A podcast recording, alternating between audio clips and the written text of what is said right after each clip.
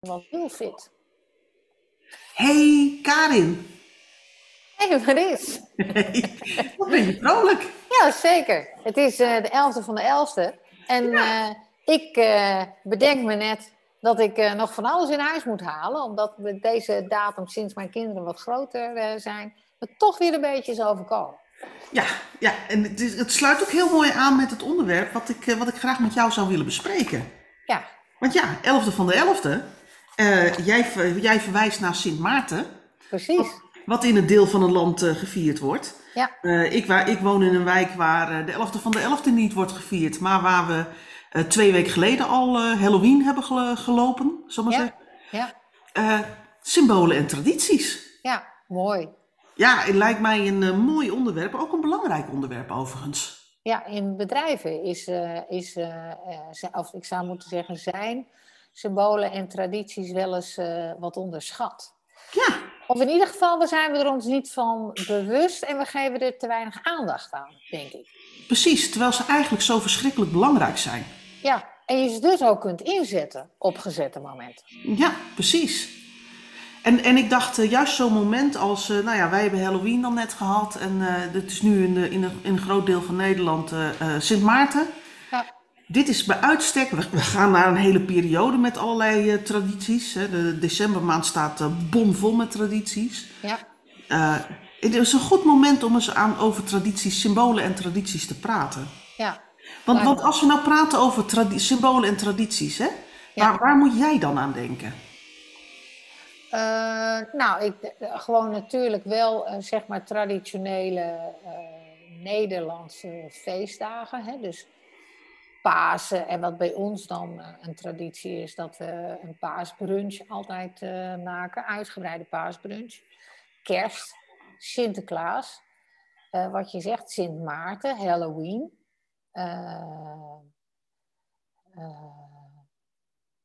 Ja, maar, maar uh, ook bijvoorbeeld uh, dat wij onze eigen verjaardagen nooit vieren, maar die van de kinderen wel. En dat dan Ja. heel uitgebreid doen met, uh, met eten en de hele familie. En bij Emma is in de zomerjarig, dus dat wordt een heel groot thuisfeest.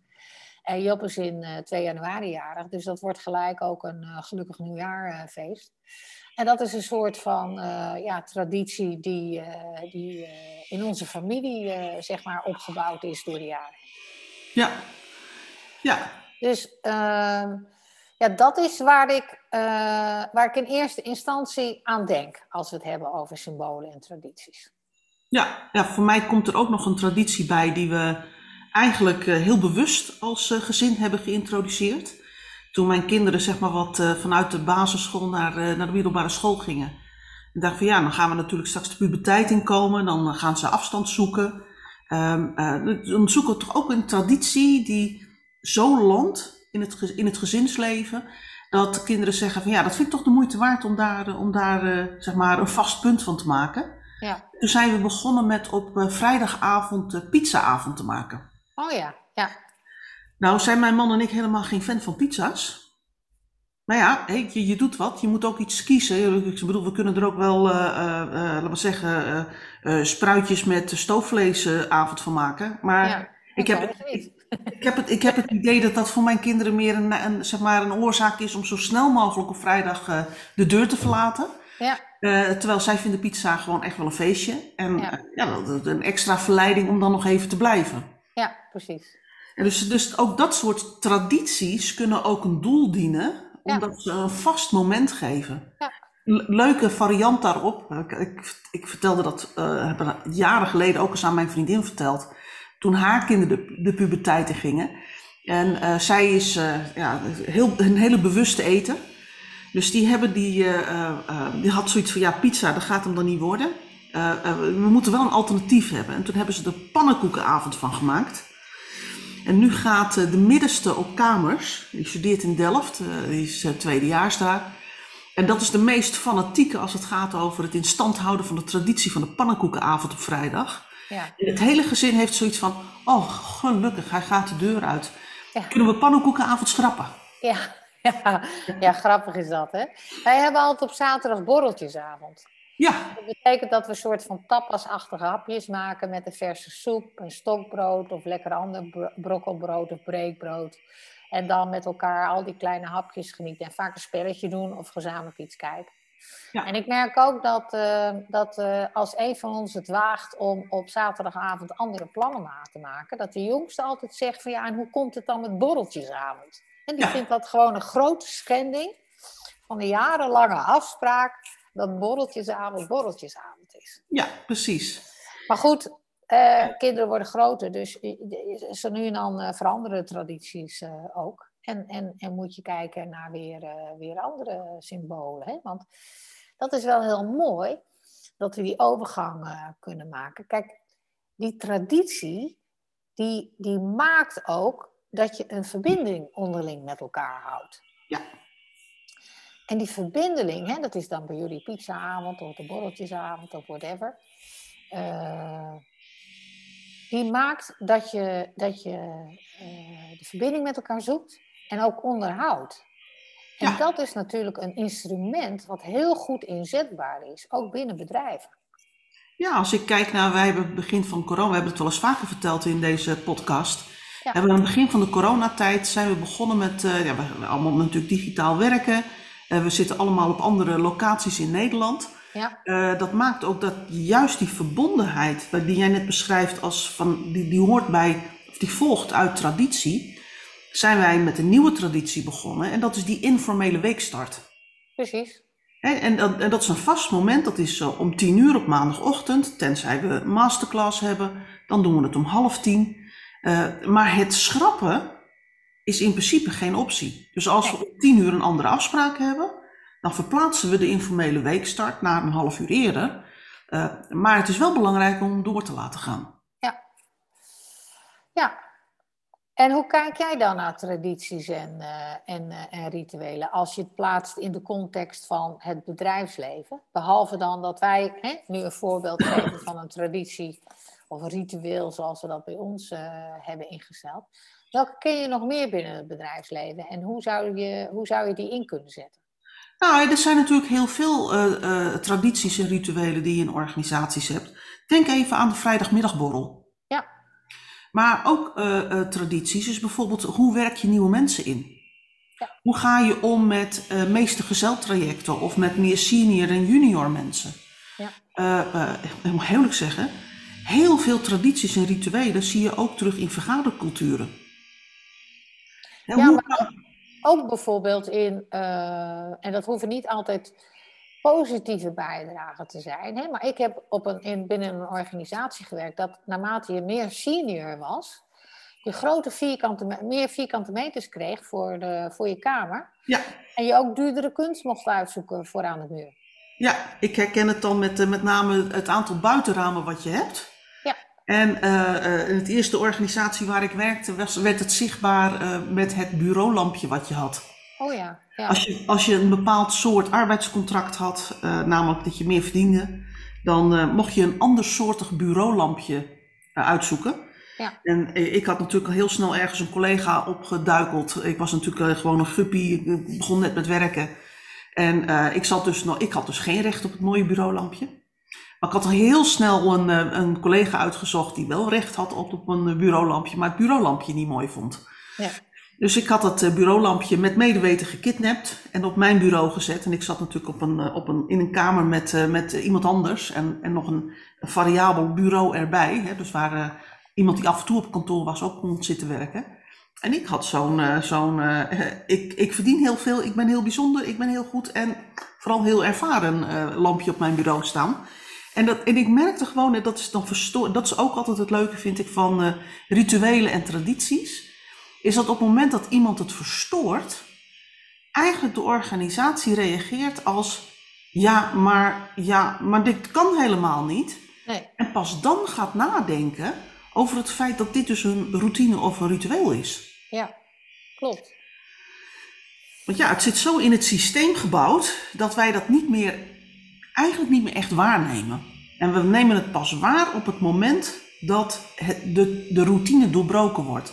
En wat jij vertelt over borreltjesavond, dat is gewoon altijd zo. Daar hebben we geen discussie over. Daar denken nee. we niet over na. Totdat iemand er overheen plant.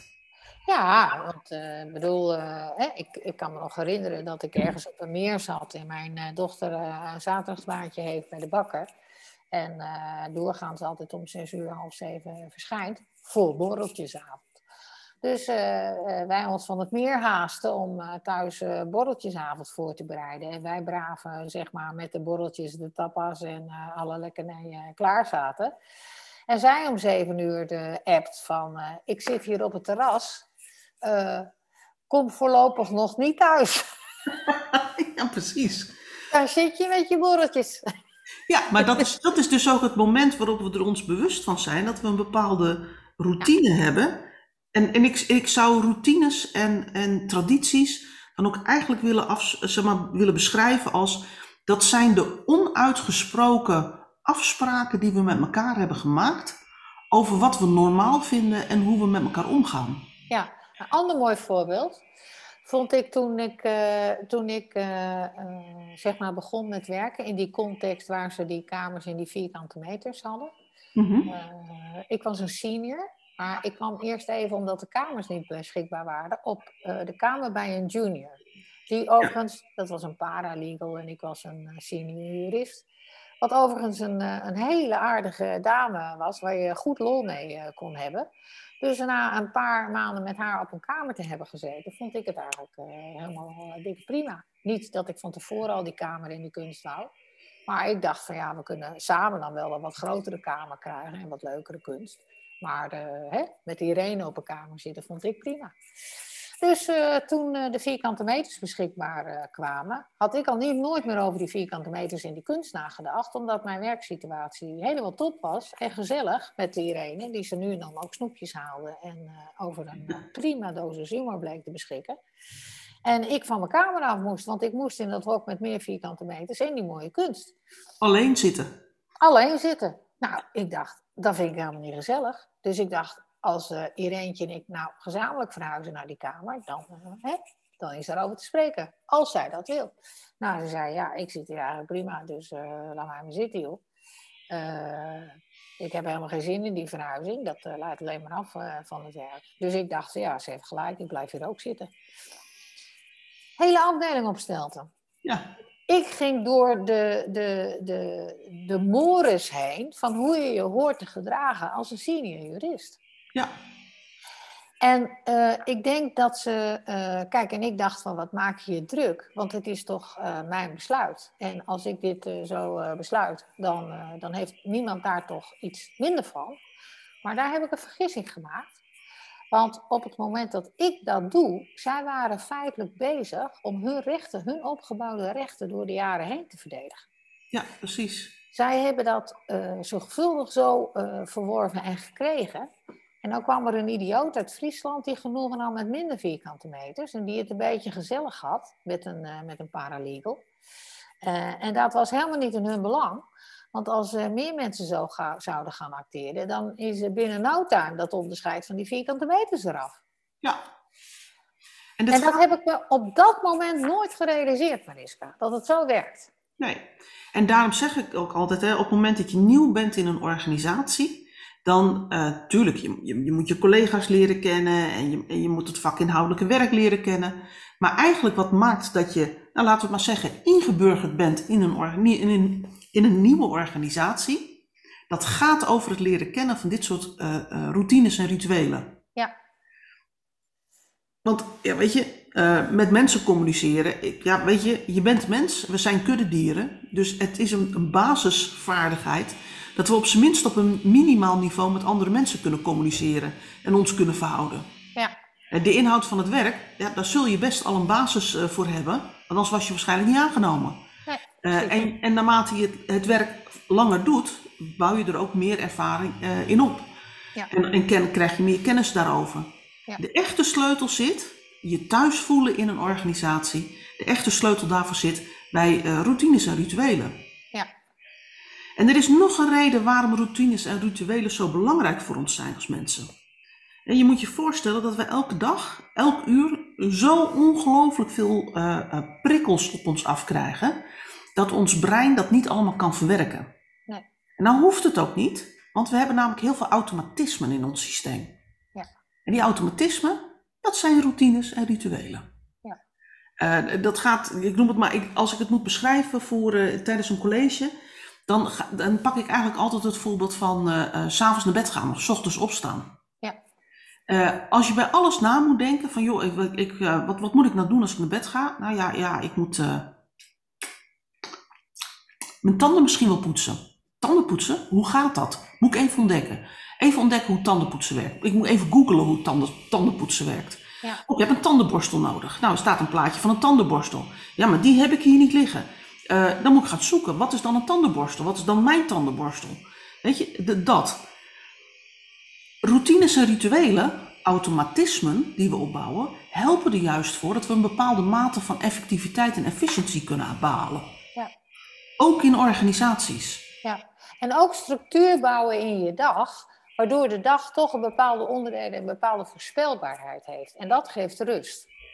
Ja, en als je het op een, op wat groter ziet, hè, dus je gaat niet over de routines en rituelen op een dag, maar die zeg maar gedurende het jaar plaatsvinden, ehm, dan, dan, zijn dat, dan geeft dat dus ook structuur aan je jaar. Ja. En ik denk dat in de, in de, in de VUCA-wereld waarin wij zitten, hè, dus, dus we, de, wereld om ons heen verandert veel sneller, Ja. steeds sneller.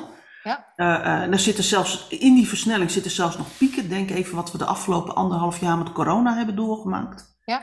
Ja. Het feit dat je vaste routines en rituelen hebt in je organisatie, in je werk, maakt dat je daar houvast aan hebt. En dat je over het algemeen betekent dat dat mensen ook beter om kunnen gaan met verandering, als ze ook vaste routines en rituelen hebben. Bijvoorbeeld het broodje Mario op vrijdag. Ja, bijvoorbeeld. Hè? Ja, en als we het, en als we het hè, want dat gaat dan heel erg over de routines en rituelen die, die gericht zijn op verbinding. Maar ik denk ook even aan routines en rituelen die eh, wat, wat meer zakelijk zijn. En ik kom toch even terug op het, op het punt wat ik net ook noemde, vergaderen. Ja, zeker. Kijk, eh, vanmiddag eh, gaan we weer met andere dingen aan de gang. Hè, maar het is wel zo dat als jij kijkt naar hoe deel je nu je jaar in, hè, dat in het kader van realisatie van doelen je op gezette momenten zou kunnen evalueren en bijsturen. Ja. En dat betekent dus dat je een planningscyclus, maar ook een vergadercyclus krijgt die vooraf in het jaar al duidelijk wordt. En Ja, dat geeft ook houvast en structuur. Ja, en dat je weet op welk moment je wat gaat doen. En, waar je, en op welk moment je dus waarover met elkaar praat. Exact. Dat is structuur.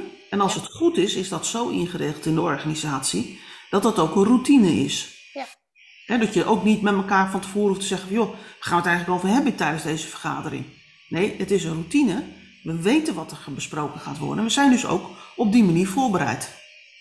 Ja, precies.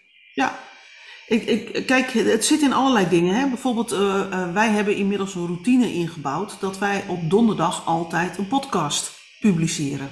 Ja.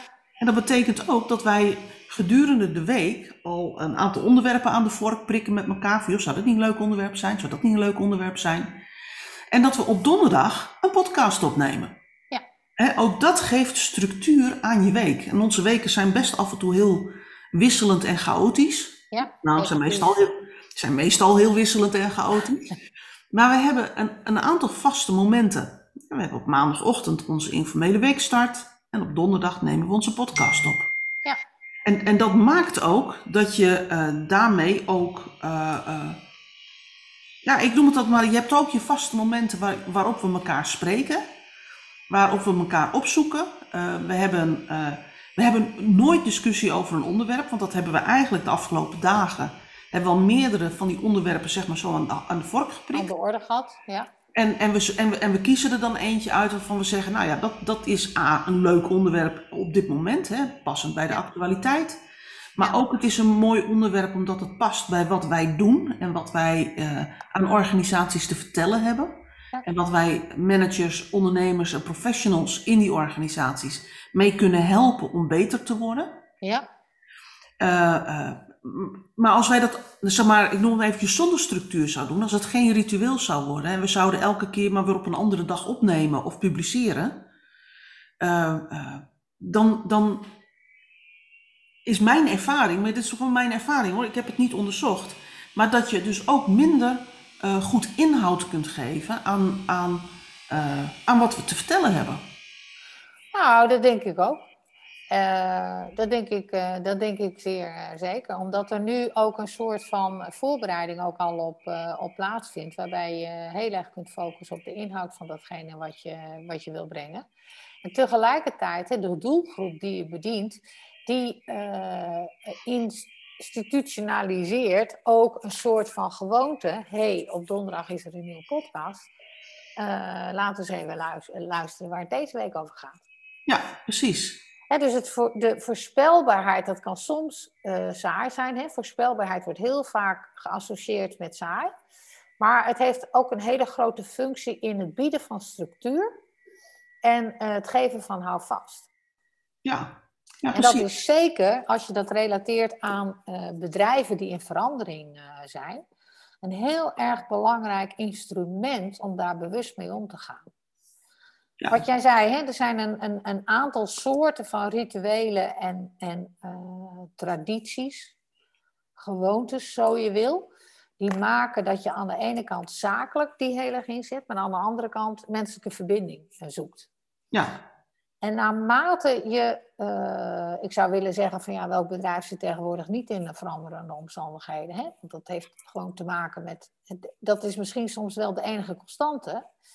Uh, en omdat het in toenemende mate de enige constante wordt, die veranderende omgeving waarin we acteren, is het hebben van structuur, voorspelbaarheid en rituelen misschien wel des te belangrijker.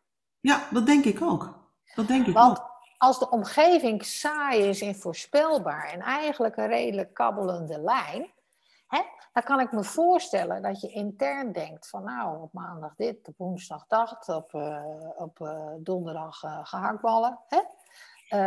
Laten we dus wat variatie in gooien. Maar juist omdat, omdat er zoveel volatiliteit in die externe omgeving zit, hè, zoveel actie gevraagd wordt, is het hebben van structuur en rustmomenten in je jaar, in je maand, in je week, en je geeft houvast. Geeft houvast in je werk. En als je daarbij ook nog koppelt uh, dat je de onderlinge verbinding zoekt hè, op menselijk niveau. Dus het broodje uh, Mario op vrijdag uh, traditioneel met elkaar de, de vrijdagmiddelborrel of Sinterklaas vieren. dan geeft dat dat je ook betrokken bent bij elkaar. Ja, maar het maakt ook hè, dat, dat op het moment dat je van dit soort rituelen en tradities hebt ingesteld, uh, en je moet om wat voor reden dan ook je, je rituelen en tradities veranderen. Dat je dus dat je ook tegen weerstand aan kunt lopen. Die, als je, de, als je er gewoon nuchter en zakelijk naar kijkt, dat je denkt van, waar gaat dit over? Ja. En bijvoorbeeld uh, uh, de, de, de starttijd van je vrijdagmiddagborrel een uur verschuiven. Ja. Of omdat je merkt dat op vrijdagmiddag of op dat vrijdag heel veel mensen in het nieuwe systeem vanuit huis werken dat je je uh, vrijdagmiddagborrel verbouwt naar een donderdagmiddagborrel. Ja. Waar mensen echt compleet van over de rooien kunnen gaan, omdat, omdat hun houvast in zo'n systeem uh, eigenlijk in één keer verdwijnt.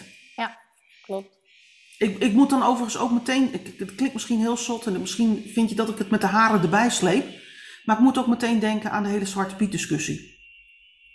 Uh, ja, nou ja, daar kun je van alles van vinden. Maar, uh... Ja, maar dit, als ik merk wat voor, wat voor weerstand mensen daarop hebben, terwijl ja. rationeel heel duidelijk uit te leggen is en ook te snappen is waar, waarom je een verandering zou willen ja. als, als samenleving. Ja. Maar het is het doorbreken van, van een ritueel, van een traditie, van een stuk houvast, ja. maakt dat mensen de gordijnen ingaan en weerstand voelen. Ja, klopt. En dat zie je ook in organisaties. En ik, ik denk op het moment, kijk, ik denk altijd in organisaties waarin het heel onrustig is. Ga nou met elkaar eens goed nadenken over wat voor soort rituelen en tradities je nou zou kunnen instellen. Die maken dat je structuur en houvast geeft aan mensen. Ja. Op dezelfde manier, hè, op het moment dat je in een organisatie dingen wil veranderen. Uh, kijk dan ook nog eens een keertje heel goed naar de rituelen en tradities die je hebt.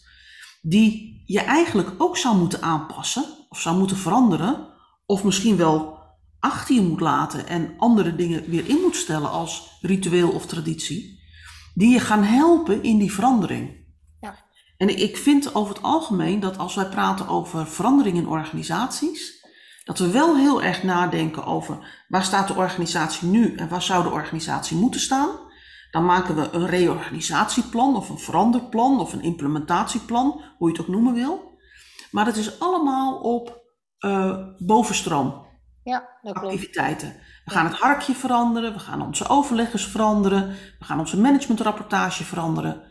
Maar alles wat daar zit in die, in die laag van rituelen en, en tradities, daar gaan we aan voorbij. Ja. En dat kan voor een deel wel de vertraging van je verandering zijn.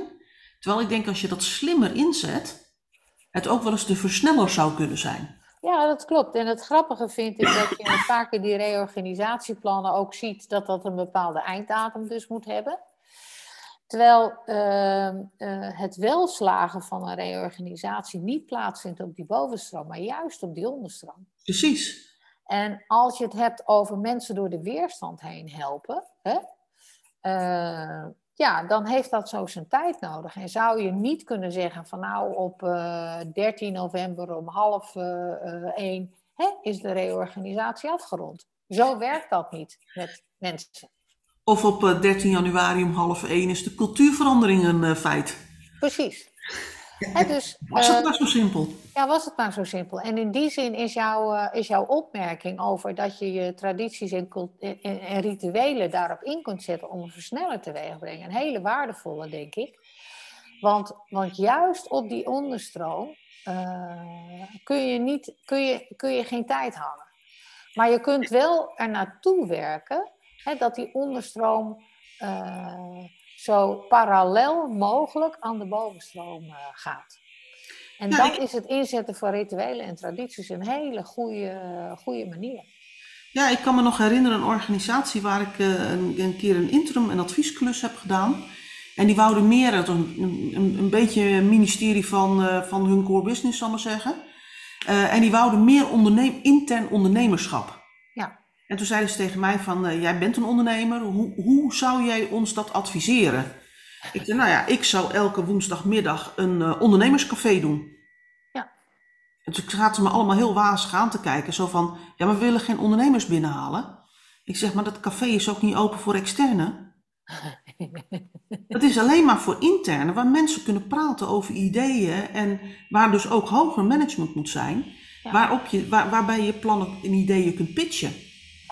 Ja. En als, weet je, je hoeft, je hoeft maar drie mensen te hebben die met een idee komen en dat pitchen. Ja. En die daar zeg maar uh, succes mee behalen. Ja. Dus uh, uh, we gaan van, van een pitch, krijg je, het voor, krijg je de mogelijkheid om een voorstel te doen. En dan wordt je een datum gegeven wanneer je in de directie mag komen met je voorstel. Ja. Als dat drie mensen lukt, dan vertelt dat zich direct in de organisatie door. En iedereen die een idee heeft, die komt. En moet je eens kijken wat voor waarde je dan creëert voor die organisatie. En dan heb je dus intern ondernemerschap. Hoef je helemaal geen programma's voor te doen, hoef je geen managementstructuren voor op te zetten, hoef je geen KPI's op te zetten. Nee. Je kunt het met name in die in introduceren van routines en rituelen. Daar kun je dit soort dingen juist heel goed vormgeven. Ja, precies. Want je zoekt niet naar een vaste structuur, je zoekt naar een bepaald gedrag. Je zoekt juist naar iets in die onderstroom. En daar kun je dus ook heel makkelijk dit soort onderstroominstrumenten voor gebruiken en voor inzetten. Exact. En dat allemaal vanuit het feit dat het vandaag 11 november is, Sint Maarten. Zo is het.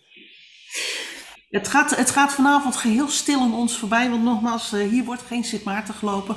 Nee, nou ik denk ook weinig, uh, weinig kleine kinderen nog uh, bij jullie in de wijk. Ja hoor, heel veel juist. Ja, echt waar? Ja, ja, ja, oh, heel, veel kleine kinderen. Ja. En dus ook altijd uh, veel uh, actieve fietstochten en, ja. uh, en speelmiddagen op de, in de speeltuin in de wijk en zo. Oh ja. Nou, het leuke is hè, dat jij zegt bij ons wordt niet meer zozeer Halloween gevierd. Bij ons wordt beide gevierd. En ik heb ook begrepen dat Halloween niet een traditie is die Sint Maarten gaat vervangen, maar die komt er gewoon bij. Nou, kijk. En dat, en dat vind ik gewoon ook goed. Want ehm, het is hoe meer dingen om te vieren, hoe beter, zeg ik altijd maar. Ja, alleen denk Maakt alleen, het leven gewoon leuker. Ja, alleen denk ik dan, uh, uh, twee snoepfeesten, twee weken uit elkaar. dat hadden we in de planning beter kunnen verdelen, zal ik maar zeggen. Oké, ik wist niet dat Halloween bij jullie een eh, snoepfeest was. Bij ons is het met name een, een verkleedfeest. Oh ja, het is verkleed langs de deuren en dan Ja, snoep ja, ja. ophalen.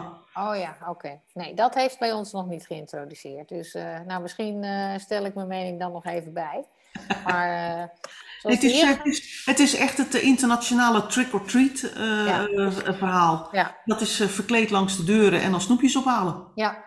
Nee, bij ons manifesteert het zich met name in, in zo eng mogelijk en absurd mogelijk verkleed gaan. Ja, Een soort Adams Family, zullen we maar zeggen. ja dat is, dat is ook een hele mooie variant van, van Halloween. Oké, ik, denk dat we, ik denk dat we in deze podcast eh, een, een mooie basis hebben gelegd in het denken over rituelen en tradities. Ja, en ik denk wat ook heel leuk is, is dat we denk ik heel erg duidelijk hebben gemaakt dat je die rituelen en tradities, dat die er niet voor niets zijn. Nee, precies. Maar dat, ze, dat, je, dat, je, dat je ze voor je kunt laten werken. Maar dat ze ook heel duidelijk in de weg kunt zitten. Ja, ja, precies. En dat het de moeite waard is als je iets wil bereiken in je organisatie, wat met name op houding en gedrag zit en op samenwerking, dat je dat soms eh, niet met hele moeilijke programma's hoeft te doen, maar dat je soms gewoon een nieuwe traditie kunt introduceren. Exact. Nou, volgens mij eh, kunnen we daarmee een hele mooie Sint Maartenavond eh, ingaan. Ja, ik ga nog even naar de winkel en dan. eh, Het is, maar goed, het is maar goed dat we het even over Sint Maarten hebben. en de fakkels even uit de schuur halen. Ja, precies. Hey, wij spreken elkaar weer. Doen we. Doei doei. Hoi.